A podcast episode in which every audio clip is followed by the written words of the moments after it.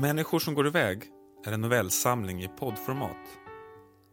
Alla noveller är skrivna av mig, Jörgen Lövenfelt. Men de kommer att läsas upp av nya röster för varje avsnitt. Den allra första novellen heter Atlas och den läser jag upp själv.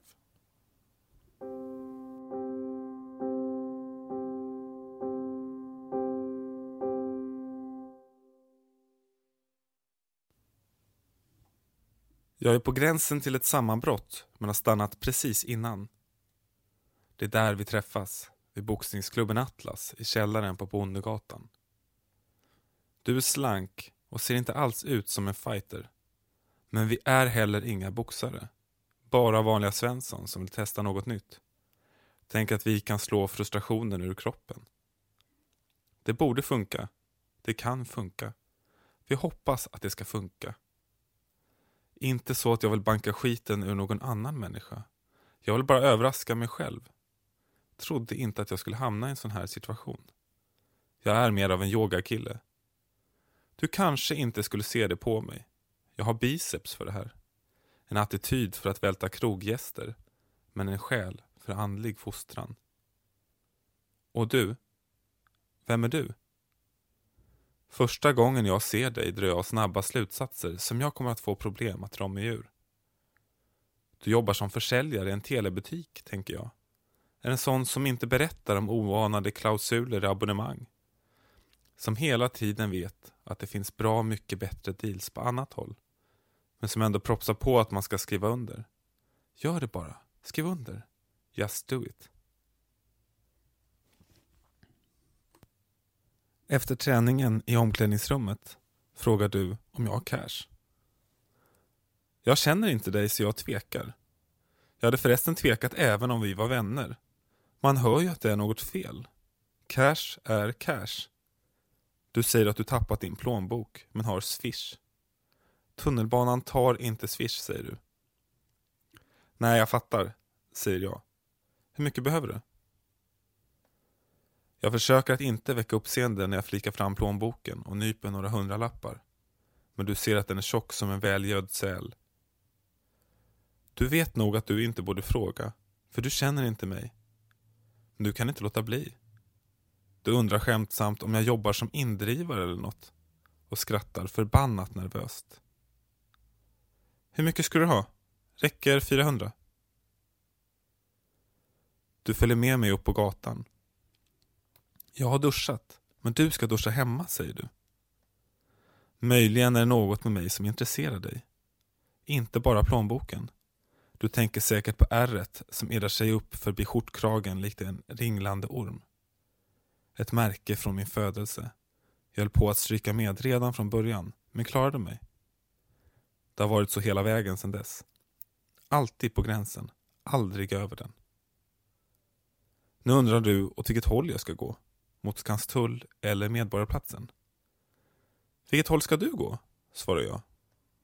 Du säger Medborgarplatsen, så jag säger Skanstull. Men då har du inte bråttom längre och kan gå med mig.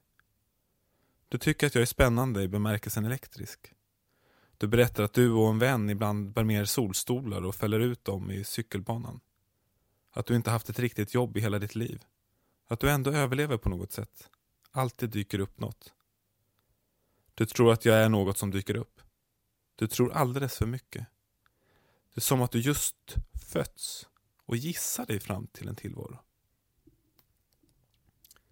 När vi står vid perrongen i Skanstull ser jag till att du kliver på tåget först. Sen säger jag att jag har glömt en grej och kliver snabbt av. Du står kvar, ser lurad ut på något sätt. Men jag har inte lovat dig något. Ses nästa vecka, säger jag och tänker att jag nog inte kommer att gå på fler lektioner. Du svarar något, men jag kan inte höra det. Dörrarna har stängts. Nästa gång är jag ändå där. Behöver motionen. Vi får slå mot varandra. Vadderade dynor som vi trär på händerna. Vi ska jabba lite, säger tränaren. Det är egentligen en ganska fånig syn om man inte vore mitt inne i den. Träningslokalen för tankarna till äldre tiders boxningssällskap. Lite smutsigt och ruffigt. Tänk gentlemen. Här pratar man inte, man slåss. Lite längre bort, där vid ringarna, boxas folk med frenesi och adrenalin. Men den här gruppen för snarare tankarna till en keramikkurs än till blodiga ögonbryn. Nej, jag ska inte raljera.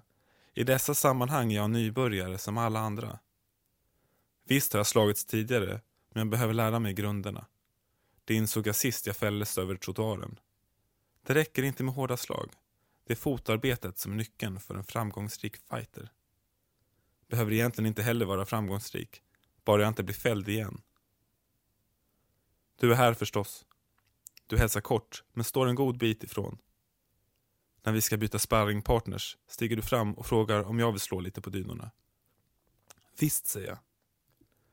Du frågar om jag har tittat på rock eller något. Du tycker jag skulle kunna spela ryss. Ivan Drago. Jag är ryss, säger jag. Du tystnar. Jag är inte ryss. Men den typen av påståenden förtjänar den typen av svar. I själva verket har jag bulgariskt påbrå. Men det behöver jag inte säga. Egentligen behöver jag inte säga någonting. Bara du inte börjar prata om Putin och Ukraina nu. Jag får till ett slag som får dig att tappa balansen och studsa några steg tillbaka. Du säger att det var en tung träff. Att jag nog kan avancera till fortsättningskursen snart. Om du inte jobbar, vem betalar din hyra? frågar jag. Du skrattar bara. Det här är första gången jag ställer en fråga till dig. Så du tänker kanske att jag är intresserad av att få veta mer om hur du lever eller vem du är. Det är jag inte. Du ska inte tro det, men du tror det. Du säger att du är låtskrivare till datorspel, konstruerar små jinglar och får några ören per såld kopia. Du frågar om jag har hört talas om Minecraft. Det har jag inte. Tydligen har du varit riktigt nära att sälja in din musik till det spelet. Fast det har du inte, fyller jag i. För jag förstår att det ska vara ett berömt spel. Du säger att man ska leva på hoppet. Musiken i sig är inte vidare avancerad. Det handlar om kontakter i branschen, att komma in och göra bra ifrån sig. Än så länge säljer du bara till tramsiga mobilspel från Indien, nya varianter av original. Ger i bästa fall några tusenlappar i stöten. Men i framtiden vill du nå hela vägen. Jag slår med full kraft, men du hinner parera och studsa åt sidan. Kan du sluta snacka? säger jag. Du ser att min reaktionsförmåga är under all kritik. Nästa vecka. Du kallar mig dåre och idiot och du ljuger inte. Vi skulle börja slåss. Lite lätt för att nöta in några nya slag. Men nu ligger du på golvet med avslagen käke. Det där var väl förbannat onödigt, hör jag någon säga bakom mig. Men herregud, säger någon annan. Du tar det för kinden med båda händerna och försöker att tala begripligt. Möjligen har du tappat ett par tänder också. Det var något med situationen som var bekant. Jag agerade reflexmässigt, så som jag alltid gör. Låter mig svepas med av mina impulser. Du hade dansat undan mina slag i flera minuter. Retsamt glidit förbi när jag matade på med hookar. Allt var som en lek för dig. Det borde ha varit det också för mig. Men så tappade du i koncentrationen. Och jag är en person som ser tillfällen och jag knyckte till, träffade perfekt. Och nu detta. De ringer efter ambulans. Du tvingar mig att följa med. Du ska berätta något. Så det är lika bra att vi får det överstökat. Men det kommer ingen ambulans. Vi väntar utanför bonden bar en kvart med blodet rinnande nerför din skjorta. Vi får ta en taxi till Södersjukhuset. Jag betalar och tänker att du ska ge mig pengar senare. Men det kommer du inte att göra. I väntrummet bläddrar du i ett exemplar av tidningen Mama. Stannar till på en artikel om hur föräldrar kan hjälpa blyga barn. Den fångar ditt intresse i några minuter. Varför jag följer med? Jag känner nog skuld. Framförallt inför de andra på kursen. De får inte tro att jag gjorde det med flit. Jag är precis som dem. På kursen är vi alla lika inför tränaren. Det är packat i rummet. En pensionär har fått en påk rakt genom låret och hamnar först i kön. Fem timmar senare får du komma in till en läkare som pratar om främre luxation och eh, gemensam hypermobilitet varpå denne för in fingrarna i din gom. Hon klickar käken rätt. Det verkar funka. Nu pratar läkaren om flytande kost. Efteråt käkar vi hamburgare. Du tuggar minimorötter som en dum hund utan framtid. Jag är ledsen för det där, säger jag. Du tycker inte att det är någon fara. Det var bara bra, eftersom du behöver min hjälp med en grej. Jaha, vad då för något? Det gäller en skuld. Och på vilket sätt skulle jag kunna hjälpa dig? Jag skulle kunna driva in den. Vad fan snackar du om? Jag ska få en fjärdedel av summan. Hela ditt huvud verkar vrickat. Hälften? Ja, nu sticker jag.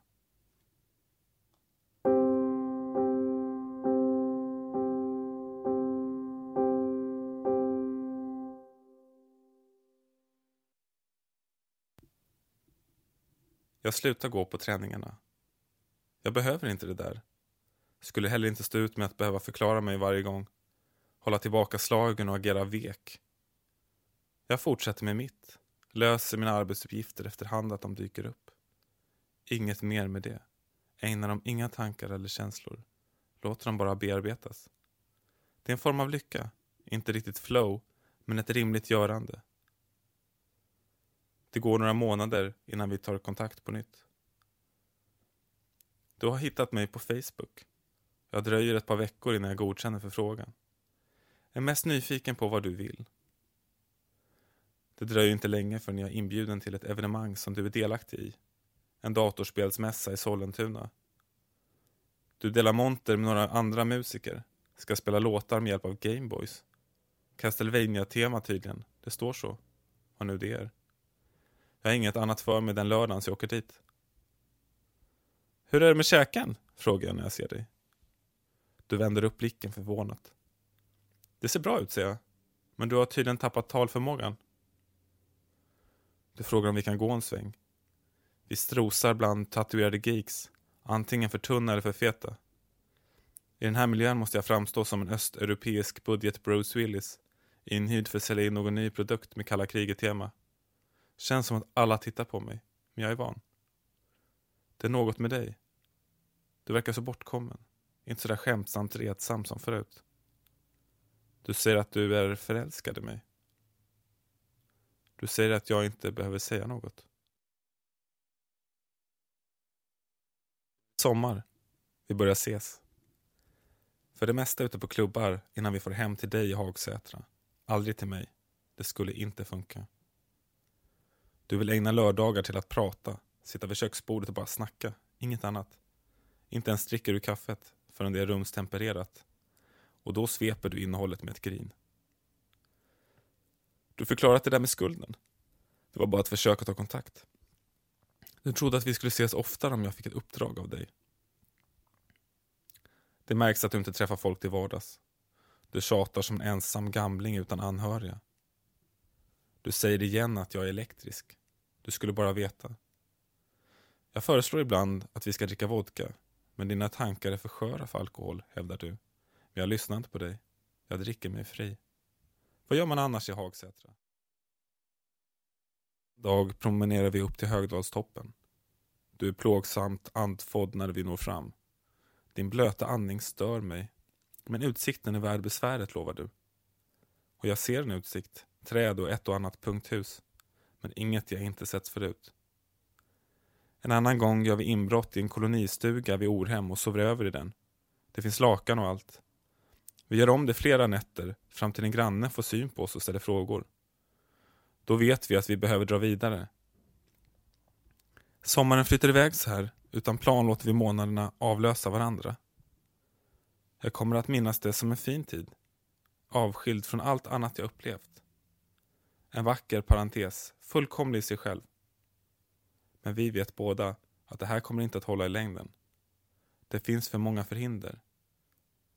Egentligen har vi inget annat som håller oss samman än det uppenbara.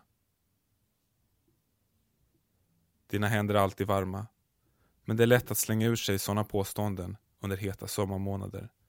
För när hösten driver in över gatorna med kastanjer och rutiner försvinner du. Jag arbetar på mitt håll och gör det jag alltid gör. Kapslar in mig på nytt. Hittar en kurs i kickboxning jag skriver in mig på.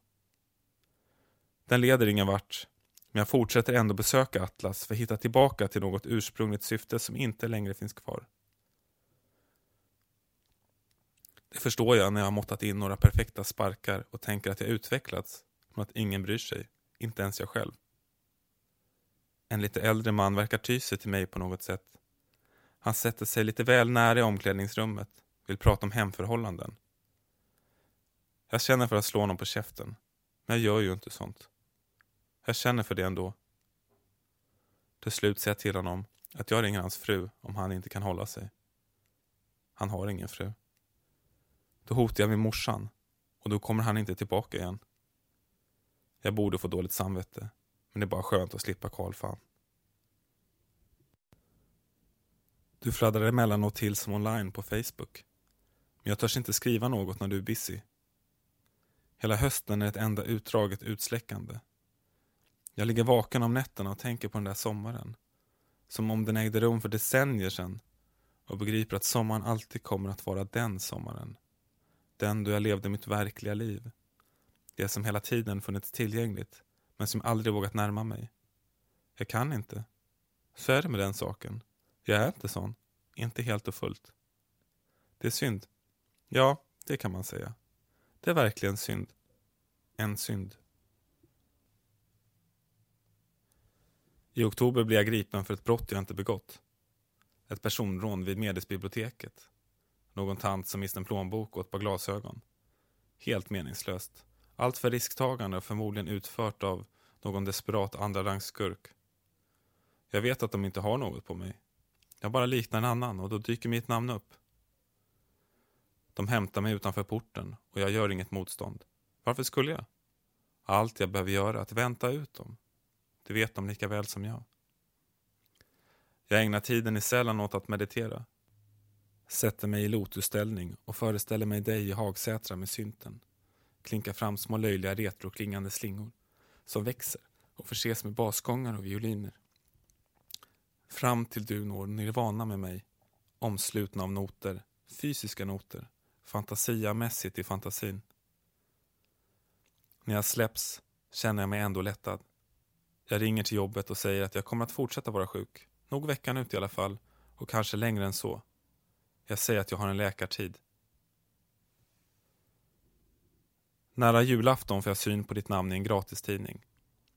Du tillfrågas i tredje spalten lite kort om ditt kommande samarbete med en man från Norsborg som kallas Notch. Han ska tillverka ett spel som liknas vid lego och nu har han ett nytt på gång som du gör soundtracket till. Spelen är den nya musikscenen, säger du fånigt, men blir alltså citerad ändå och reporten rabblar siffror om användare och utövare och kallar datorspel för e-sport. Jag skrattar åt jämförelsen och lägger ifrån mig tidningen. Sen tänker jag på dig igen. Det är svårt att inte tänka på dig.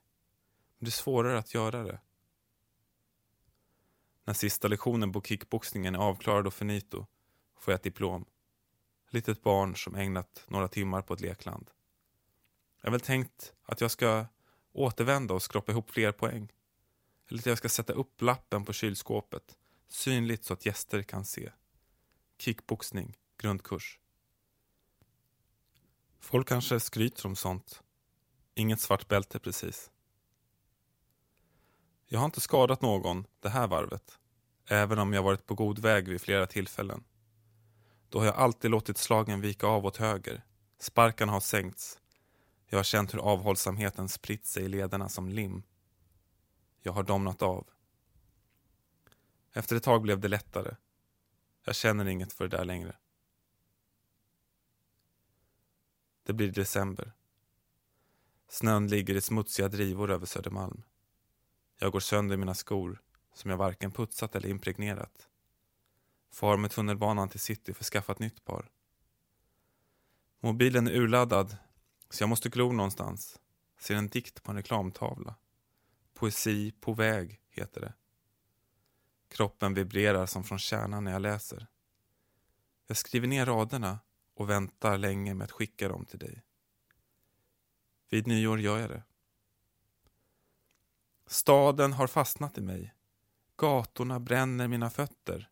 Och så vidare. Du tar kontakt.